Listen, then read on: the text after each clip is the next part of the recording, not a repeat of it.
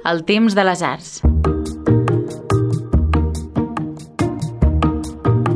Amb nosaltres tenim el Pau Minguet, autor de l'article Pro Concursos, El meu poble és el millor, que és tot un clam, un xerric de català rural emprenyat envers un cert centralisme urbanita.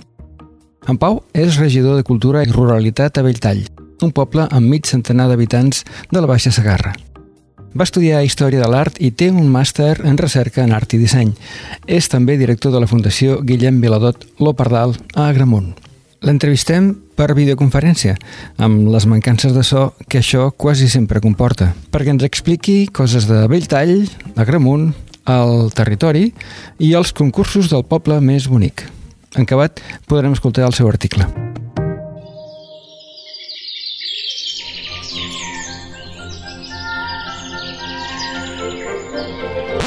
Bé, l'article que comentem avui no va precisament de pastorals. Pau, en un moment del teu article dius això. Queixar-se sempre es fa pesat, però es torna inevitable. Vivint a un poble es torna inevitable queixar-se? no només un poble, jo crec que és una mica el tarannà que tenim els catalans per, per genètica, potser fins i tot. Però sí que és veritat que quan vius a un poble o quan vius en una realitat, més que en un poble, en una realitat allunyada d'aquest centralisme que pateix el país, eh, jo crec que encara s'agreuja no? d'aquestes queixes i, i la queixa surt com, com, com una espècie de protecció, de defensa per, per les pròpies injustícies que veus en el teu dia a dia. Explica'ns una miqueta aquestes injustícies. Bueno, a veure, després podem entrar més en la vessant cultural, però però més que injustícies, potser, potser aquí la paraula també ha quedat molt forta, però sí que és veritat que per més que sovint les administracions d'aquest país s'han omplert la boca de ser territorialment democràtics i de que eh, sempre aposten per això que anomenen territori, no? que el propi territori és una paraula una mica per any, eh, després te n'adones doncs, que les infraestructures doncs, de comunicacions o de transports estan molt preparades per anar a una sèrie de llocs de Catalunya que potser no són els de les terres de Lleida o els de les terres del sud, eh, te n'adones que amb tots el, la gran, el gran creixement i la proliferació d'empreses de, de, que volen posar energies renovables a, a, al país, no? tant fotovoltaiques com, com eòliques, eh, intenten anar a buscar llocs on posar-les i aquests llocs acostumen a ser llocs que tendeixen a no tenir ni gaire turisme, ni gaire població, amb economies, amb uns percentatges de, de pagesia molt, molt grans, i en canvi no, aquestes, aquestes energies que s'implanten per aquí a la zona estan destinades a, a vestir les grans ciutats. No? Eh, I per tant, nosaltres, bueno, nosaltres, ara parlo en plural, no? perquè també això és una cosa bastant pròpia dels pobles, no? que, que, que la col·lectivitat està bastant present, um, no és que estiguem en contra de les energies renovables, però sí que estem a favor d'una bona repartició territorial d'aquestes energies. I jo, per exemple, al meu poble, eh, doncs, ja el 2006 es van implantar molts aerogeneradors, no? molins eòlics, eh, i per tant pensem que per la nostra, pel nostre terreny, per la nostra població, ja hem contribuït a generar energies renovables a Catalunya. No? I per tant pensem també que hi ha altres territoris que, que poden acollir aquest tipus d'infraestructures. No? Això per posar-ne algun exemple, potser. Aquesta és una queixa que surt sovint en mitjans de la pagesia, com la revista La Terra de la Unió de Pagesos. No és l'únic entre d'altres problemes comuns al medi rural. A mi, el teu article em sona com un clam, com la queixa del català rural emprenyat. És així? Bueno, català rural, però també també una mica pixapí, eh? perquè tampoc hem de ser hipòcrites amb les nostres contradiccions i jo sóc fill de Cornellà de Llobregat, per més que ara estigui ja des de fa molts anys establert en poble i per més que la meva vida laboral també es desenvolupi en aquest medi rural, um, però sí que és veritat que, que bé, no? doncs que, aquestes, que, aquest, que aquest clam, aquest clam jo crec que és bastant compartit en, en aquesta zona. No? Jo crec que aquí la gent està com molt acostumada no, a patir aquesta espècie de, de, de sentit d'inferioritat envers eh, les grans metròpolis i per tant hi ha com aquesta, com aquesta voluntat de fer pinya, de fer germanor, de denunciar les injustícies, de no, de no callar-se res no? i de ser orgullós i encara que vagis topant contra una paret no de deixar de topar-hi. No? Jo crec que això és un tarannà molt pagès també en certa manera. No? Perquè els pagesos, dins del seu propi cicle laboral, doncs, eh, quan plou, plou massa, quan no plou, plou massa poc, aquest any la collita ha sigut un desastre, eh, hi ha hagut glaceres, no collirem fruita, no? és sempre com una mena de resignació, però una resignació que porta a la perseverança absoluta perquè els pagesos, encara que aquest any se'ls hagin glaçat totes les pomeres a la plana de Lleida, l'any que ve tornaran a destinar-hi energia, esforços, diners per poder tenir una bona collita. No? Jo crec que una mica aquest tarannà, no? aquesta resiliència constant, la tenim, la tenim molt, molt instaurada en l'ADN, o la tenen molt instaurada en l'ADN, però ens l'empelten també els que som pixapins o camacos o diguem-ne com vulguem. No? Tot, tota aquesta...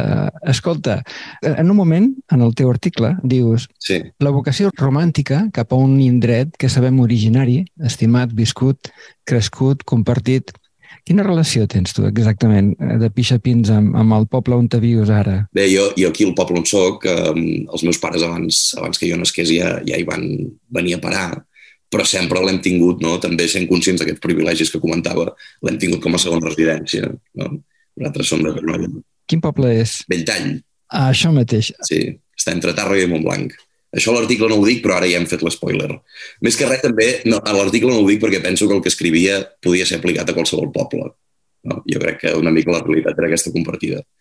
Jo la relació, clar, jo la relació que tinc amb el poble també ho explico una mica. Per mi ha canviat perquè per mi de tenir el poble on mentre estàs, estudi estàs, estàs estudiant a la ciutat o no, estàs fent vida a la ciutat, jo he viscut molts anys a Cornellà, eh, doncs al poble hi vens els caps de setmana, hi vens els estius, eh, hi vens per Setmana Santa, Nadal, no? i bucol, no fas com una espècie d'imatge bucòlica també d'aquest indret en el qual hi vens poc. I per mi segueix sent un indret bucòlic, però mm, que ha passat de ser aquest lloc d'esbarjo, de desconnexió, el teu lloc de vida, no? el lloc on estàs assentat sempre, on eh, treballes, on els horaris canvien eh, i per tant també el paradigma es modifica no? d'aquest lloc de, de desconnexió a un lloc de connexió permanent. No? I crec que aquí també les relacions de la gent que hem sortit de les ciutats i hem tornat al poble, eh, jo crec que ha canviat bastant. I, per, i, i no ho dic ni, ni de manera positiva ni negativa, eh? jo estic molt content d'estar aquí, però sí que és veritat que aquesta realitat canvia i crec que ser-ne conscient eh, és important, no? per dir-ho d'alguna manera. Tu, de tota manera, ets un, una mica un pixapí atípic, perquè ets un pixapí il·lustrat, com si diguéssim. Tu ets... Eh... Ostres, no, no. Tu ets, tu ets llicenciat en Història de l'Art, sí. que sí, i llavors, diguem-ne, que mm, com, com ha estat eh, el teu procés per empaltar-te dins del poble, dins de, de l'entorn rural? Per què? Bueno, jo crec que per, no sé, per manera de ser potser també, però no ha sigut una cosa nova.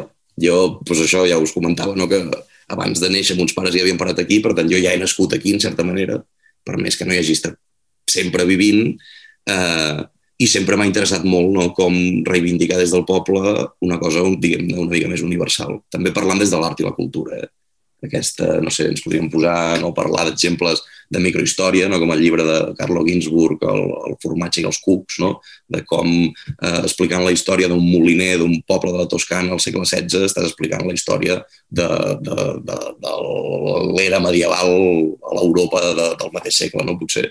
I jo sempre, quan estava estudiant la carrera, també intentava fer treballs o, o aproximar-me a temes eh, que ens suggerien a les classes però fer-ho des del poble. No? Com aquesta memòria que tenim aquí al poble, aquests fenòmens visuals que se'ns presenten, aquesta, aquest tarannà, també genera o pot generar eh, pensament contemporani. No? I una mica aquesta era com la, la reivindicació que he intentat fer sempre.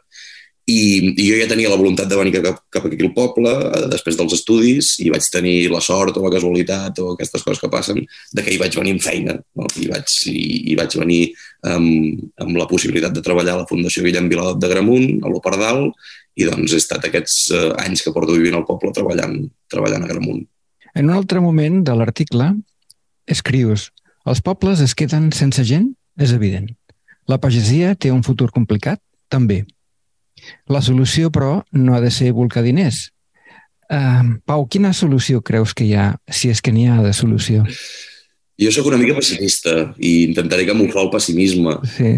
Però, i a part aquest pessimisme no el veig només amb els pobles, sinó que veig que el model social que tenim en l'actualitat eh, no va cap a un futur gaire lluminós, també el de les ciutats. Però sí que és veritat que penso que potser la primera tasca que tenim des de, des de les administracions és eh, doncs, intentar generar la pedagogia, la pedagogia suficient i les eines suficients, no només econòmiques, sinó de molts altres tipus, perquè la gent no marxi dels pobles o per la gent que ha marxat torni. No? I clar, aquí estem parlant doncs, de paradigmes eh, molt immensos i molt inabastables, no? perquè doncs, a nivell de pagesia, per exemple, jo he vist com el meu poble, des de que sóc petit, s'ha anat quedant sense pagesos i, per tant, hi ha una sèrie de terres que han absorbit grans empreses que es dediquen a especular amb aquest cereal no? i, per tant, estem també tendint cap a una capitalització de la terra, que les famílies ja no porten la seva terra, sinó que ho donen a aquestes grans empreses. Um, quasi res del cereal que es cuida al meu poble es destina al consum humà, per una banda, però tampoc es dedica al consum alimentari, encara que sigui per, per engreixar animals, al país, sinó que jo veig com eh, camions baixen cap al port de Tarragona per carregar transatlàntics que se'n van cap a altres països o que pugen cap al nord perquè se'n va cap a França. Bé, hi ha una sèrie d'endemismes de, que, que jo crec que el capitalisme ens ha generat, no? que en el moment aquest, sobretot en els pobles, quan canviem el paradigma de, de l'economia de subsistència, del de, treballar amb les mans, a mecanitzar la terra, també genera no, que la maquinària cada vegada és més grossa, per tant canvia l'orografia també del nostre territori, es trenquen marges de pedra seca, cabanes, pallisses, per tant patrimoni antròpic rural que també és interessant i que també ens defineix, eh, perquè necessitem cada cop extensions més grans de terra, perquè les cosetxadores puguin eh, treballar o amb menys hores eh, collir més quilos, no? i és com una sèrie de, de, de respostes que, que van fent que això cada vegada vagi canviant més. No? Llavors, com hauria de ser, o com t'imagines tu que podria ser el territori, eh, aquesta paraula de la que també t'enqueixes en algun moment, com t'imagines tu que hauria de ser el, el territori eh, per deixar de ser un català rural emprenyat? Ostres, no ho sé, és complicat, eh? A més, també he de confessar que, que des de la queixa es viu molt còmode. Uh, si tinguéssim aquí no? si tinguéssim totes les, uh, no sé, les infraestructures o les condicions idònies perquè no tinguéssim motiu pel qual queixar-nos, tu i jo no estaríem parlant ara mateix, no hauria fet aquest article. No? Jo crec que una mica uh, aquesta resposta o aquesta manera de confrontar-se cap a, doncs, en aquest cas, un poder o, o un tarannà administratiu o polític que fa que eh, aquí tinguem moltes mancances, jo crec que en el fons ens fa forts també. I no només ens fa forts, sinó que també ens fa desperts i fa que aquest queixar-se ens faci pensar no només en solucions, perquè sincerament solucions eh, crec que no us en puc aportar gaires, però sí que almenys eh, ens fa mantenir alerta, no? Uh, Però és un, és un problema d'infraestructures, tu creus, mm, bàsicament? Bueno, no, no només d'infraestructures, eh? Les infraestructures podria ser un exemple. No, no estic dient que si m'arriba tren al poble, que potser tampoc vull que m'arribi, eh, estaria més content. Jo crec que és, vull dir, és un, eh, són problemes molt més, molt més de fons. Són problemes ideològics, són, poema, són problemes eh, d'autoestima, no? són problemes eh, eh, d'educació, pedagògics, jo crec que una mica no, és com un, doncs això, des de que el camp comença a canviar la seva política de, de desenvolupament, aquí els pobles comencen a buidar-se i doncs, es tanquen escoles rurals, la gent marxa a les ciutats, eh, torna només els caps de setmana i canvia una mica tot, tot aquest paradigma. Ja et dic que solucions no sé, no, no, no, no en sé gaires. Eh? Potser el problema també seria tractar de trobar un paper per als pobles, per, per al sector rural, per al, al camp, al territori que no és urbà. Com t'imagines que podria ser aquest paper? Ostres, doncs no ho sé. La veritat és que no ho sé. Uh, I se'm presenta difícil la teva pregunta. Uh, perquè també penso que ara potser estem generalitzant i per més que jo també ho pretenia fer amb l'article, no? de que això de que pot ser, de, podem localitzar-ho en qualsevol poble de Catalunya, però després cada poble és molt diferent, també. I crec que n'hem de ser conscients i que aquesta pluralitat uh, també ens defineix com a país, fins i tot perquè eh, tenim pobles a molts pocs quilòmetres al voltant dels nostres i cada poble té unes possibilitats, una gent, una idiosincràsia molt particulars i molt pròpies que també han de poder-se potenciar o han de poder-se desenvolupar o han de poder tenir eh, doncs, les, les condicions favorables com per, com per donar-se a conèixer o per, per, seguir, per seguir aportant coses. No? Jo crec que això també és interessant de no generalitzar en aquest sentit, perquè potser també és una cosa molt de capital, no? de Barcelona i les afores, però en canvi doncs, a Belltall, que és el meu poble, no és igual que Roca Llaura, que està a 3 quilòmetres aquí al costat. No? i fins i tot està a 3 quilòmetres, però ja és d'una altra província, ja és d'una altra comarca, ja és d'un altre ajuntament, no? Um, I la gent és diferent, també. Jo crec que això, uh, que les particularitats també s'han de, de potenciar i s'han d'intentar explotar d'alguna manera. Sí, eh, però com si diguéssim, si jo ara et demanés que fessis d'advocat sí. d'allò que no és eh, la corona metropolitana i, i les grans àrees urbanes, i et digués, escolta, mm, trenca una llança a favor del, del territori, disculpa, és que és una paraula que és in inevitable. No passa res, la fem servir, no passa res. Doncs eh, digue'ns quins valors cal preservar, digue'm quines coses cal potenciar. Què hi veus tu? és complicat, eh? Sí, sí, per això t'ho pregunto. Sí, uh, no ho sé, coses que cal reivindicar. Home, jo crec que aquest sentiment de, de col·lectivitat és interessant, per més que tampoc romantitzo el terme, eh? Mm, però sí que és veritat que els pobles som com una família una mica gran. I clar, és que també estem parlant de pobles, quan diem pobles, no sé de quines dimensions parlem, no? Jo també ho dic a l'article, jo a l'hivern aquí al poble som 43 persones és molt poca gent. Per mi, a Gramunt, que és on treballo, també és un poble, però són 5.500 habitants. I, per tant, també estem parlant de molta diferència dins de tot això. Ara, parlant des del meu particular, i que també veig que, que comparteixen ciutats més grans o pobles més grans, jo crec que aquesta idea de col·lectivitat és molt interessant. Perquè eh, en els pobles, i, i a més una, és una col·lectivitat no només del present, sinó que el passat també participa una mica d'aquesta col·lectivitat. I intento explicar-me. Jo, per exemple, amb la meva colla d'amics del poble, sovint en les nostres converses quotidianes tenim present a gent o parlem d'anècdotes de gent que quan nosaltres vam néixer ja eren mortes. I hi ha com aquesta preservació d'aquesta memòria oral, d'aquesta memòria visual també per les coses que veiem en els nostres carrers, que fan que aquest sentiment de pertanyença, aquest sentiment de col·lectivitat amb la gent que som ara també es veu eh, afectat per aquesta, per aquesta gent o per aquests elements que ens venen transmesos des del passat. Jo crec que això ens enforteix també per seguir sent crítics amb el nostre present, no? perquè si sabem d'on venim, però no només sabem d'on venim a nivell històric, sinó que d'on venim encara participa del nostre dia a dia, ens fa, jo crec que molt rics eh, culturalment. No? Jo crec que això és una eina molt important de cara al futur, no? Perquè ser conscient en el teu present que en les generacions futures potser nosaltres també serem uns personatges rellevants o dels que se'ns parlarà per les converses quotidianes que puguin tenir eh, doncs la canalla del futur, jo crec que també et fa ser una mica responsable. I et fa ser responsable de que eh, participis activament del que passa en el dia a dia al teu poble. I, per tant, jo crec que aquí hi és una mica també aquesta tradició molt associacionista, no? cooperativista que tenim a Catalunya, que jo crec que és evident i és una cosa que ens destaca molt també com a societat que aquí estiguem doncs, enredats amb les associacions de veïns, les associacions de pagesos, les comissions de festes, etc etc. No? Jo crec que això també eh, fa que, doncs, que ens cuidem molt dels nostres pobles perquè tinguem com aquesta, no sé, com aquesta sensibilitat de voler que eh, d'aquí molts anys el nostre poble sigui, segueixi existint. I jo crec que aquest i, i que aquesta voluntat també ve donada per un perill conscient de que doncs, podria ser que algun dia o altre al poble no hi quedés ningú entre setmana i que només tinguéssim no, doncs, eh, habitants estacionals en moments molt concrets de l'any.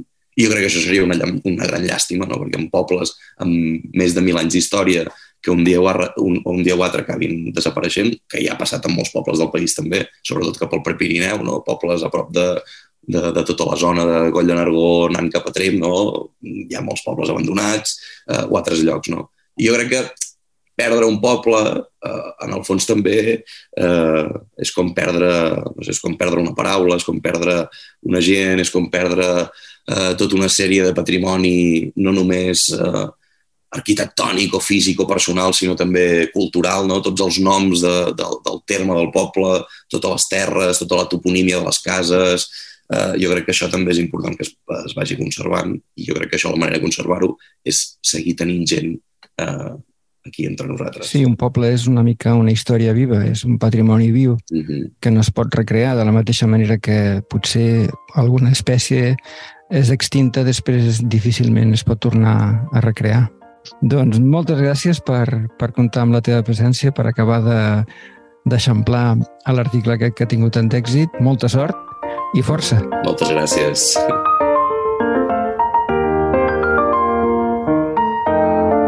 Hola, sóc Damià Morós. Potser m'hauran sentit a La Reserva, el podcast de patrimoni del temps de les arts.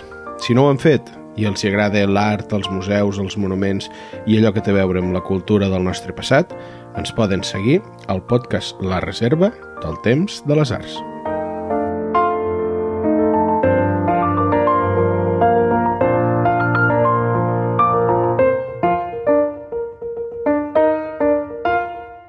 I ara podeu escoltar l'article Fora concursos, el meu poble és el millor, amb locució d'Isidre Sánchez i música de Lemon Music Studio.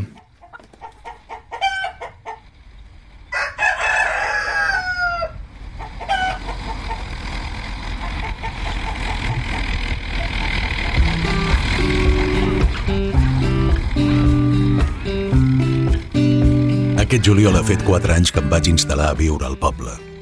Quan els ho vaig dir als amics, no es van sorprendre. Era evident que hi acabaries, em deien. Un exili anunciat que ha deixat de ser vacances i caps de setmana per tornar-se quotidià, estable, sedentari. Per què no? Aquest viratge rural, que sembla que la pandèmia va accentuar, ha generat que els pobles hagin augmentat lleugerament de població. En el cas del meu, de 31 habitants entre setmana abans del virus a 43 veïns, més o menys, el 2022. Ja veieu quin creixement. Eren pocs, i ara en som uns quants més de pocs. Fora de temporada, és clar. Els hiverns encara espanten, però els estius són frenètics. A la setmana de festa major, que ha sigut fa pocs dies, potser érem 300. En venen molts dels que només fan aquesta visita anual, aquest venir perquè, si no, què diran? Un cop d'ull a la casa pairal, un beuret al bar i treure el cap al ball del fanalet que es fa al local social equivalen a un lligam esquifit, però assegurat, a una quota completa com qui combrega un cop l'any a missa o va a fer-se l'anàlisi de sang que fa mesos que el metge demana al cap. Viure al poble, igual que viure a una gran ciutat, té coses bones i d'altres que no ho són tant. En el meu cas, però, la balança es decanta, de moment, cap al lloc més petit. Això no vol dir que no sigui plenament conscient de les mancances que tenim aquí i que no cal que enumeri per més que segur que ho acabaré fent.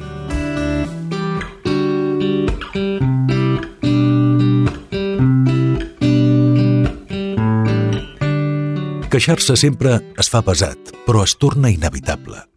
Els lligams que es creen, o que creem, més ben dit, amb els llocs, amb totes les abstraccions geogràfiques o simbòliques possibles que us podeu imaginar per aquesta paraula, són tossudament ferms.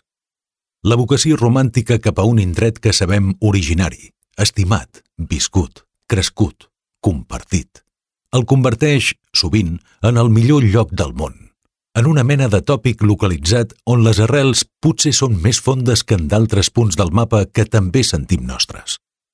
Aquesta aparent idealització sempre necessita una distància, quilòmetres pel mig que encara converteixen el lloc en un espai desitjat on no sempre s'hi és, el que generalment s'hi va poc, i on la quotidianitat monòtona de les obligacions de feina, estudis i del propi esdevenir dels dies es trenca. El poble, per molta gent, es converteix en un refugi, en una pausa dins del frenesí el que ens aboca al liberalisme. El paisatge, el tarannà de la gent, el vent i les olors que transporta s'alien per oferir-nos una visió romàntica de l'entorn accentuada per les poques obligacions, els horaris dilatats i la llunyania de la ciutat. Per mi el poble va ser molts anys el punt de fuga, el meu lloc, des d'on jugar sense presses a fer túnels al munt d'arena de fer formigó per les façanes que rejuntaven a la casa de davant, fins a venir amb el carnet de cotxe recent estrenat a compartir marinades i carreus romànics amb la gent més estimada. Ara, però, fa quatre anys que això es va transformar i el lloc on escapar-se s'ha tornat quotidià, ja ho he dit al principi. Aquest estar-se sempre aquí també ha fet que enfrontar-se amb les mancances endèmiques o amb les problemàtiques territorials que des de la ciutat es podien detectar, però no es patien, topin de cop amb el dia a dia dels que hi som. Que sí, que som pocs, però orgullosos, tossuts i suficientment capacitats per combatre totes les injustícies que se'ns presenten i per denunciar tots els problemes que, per més que semblin locals, afecten molt més enllà del poble. Les pèssimes gestions forestals, la falta de relleu generacional en la pagesia, l'especulació amb els preus del cereal i amb l'energia renovable, la falta de transport i la llunyania dels serveis bàsics són temes de converses diàries. Les preocupacions autòctones són unes i les solucions que es plantegen des de fora del lloc en són d'altres de radicalment diferents. Ocurrències fetes des de despatxos de capital que només pixen fora de test. Estic condemnat a dependre del cotxe, sí.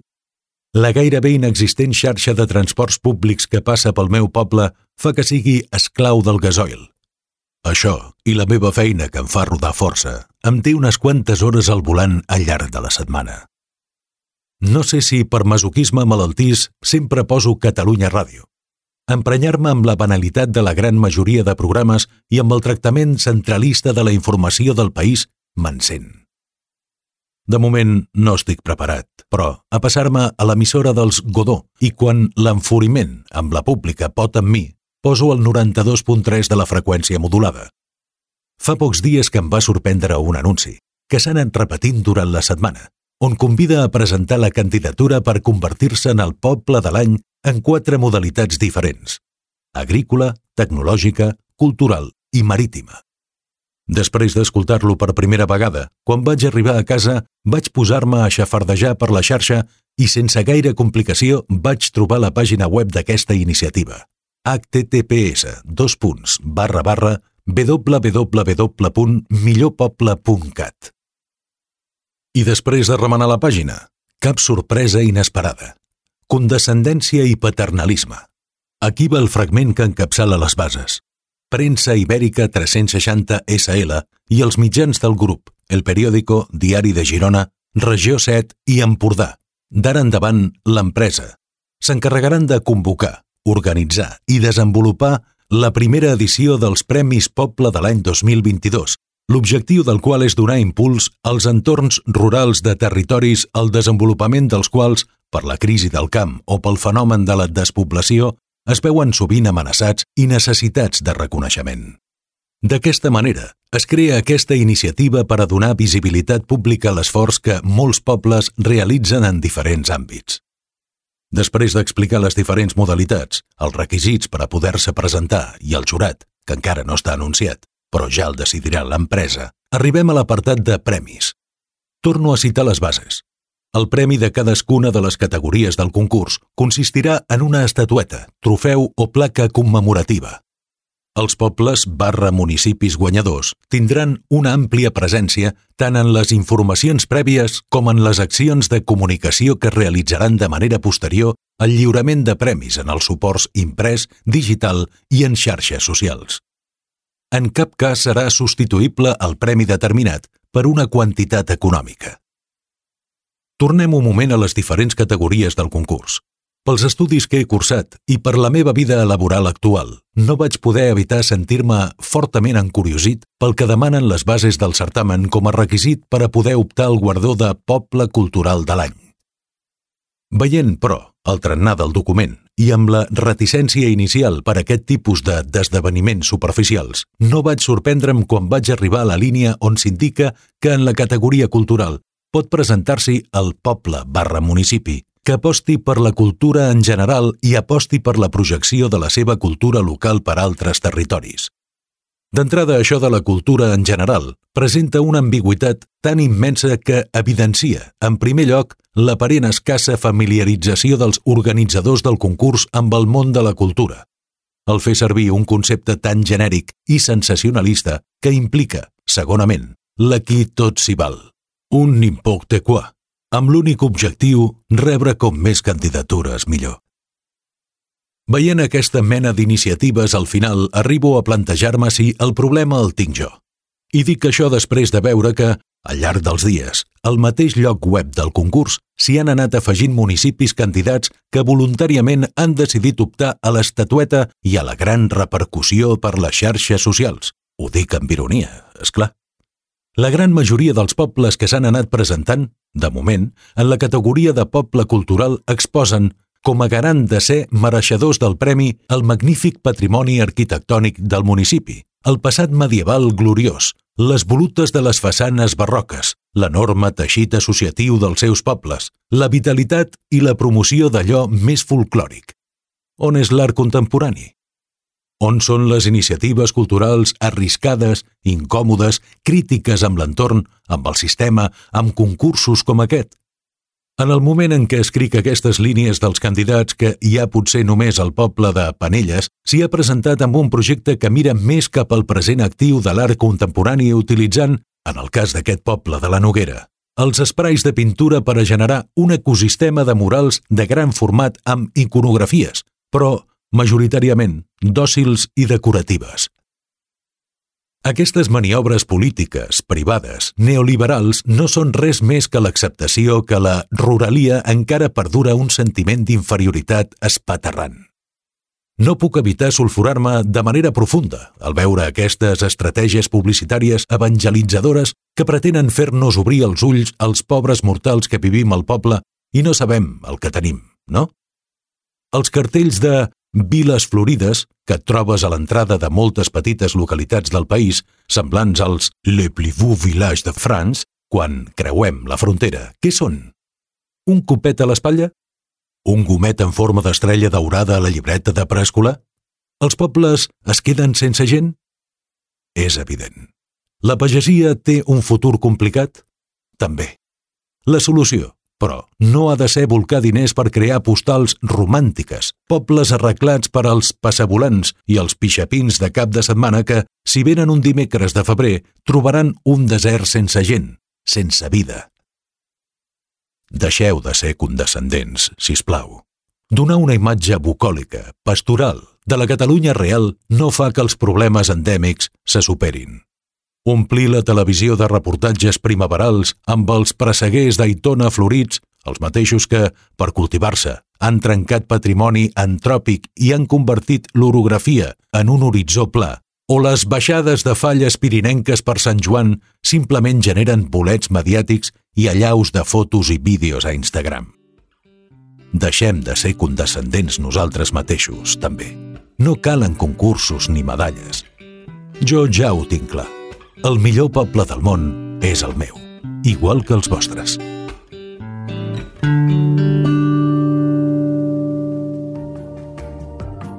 Fins aquí la tria setmanal del Temps de les Arts.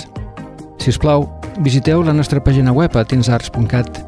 El meu nom és Xavi Càliz. Moltes gràcies per escoltar-nos.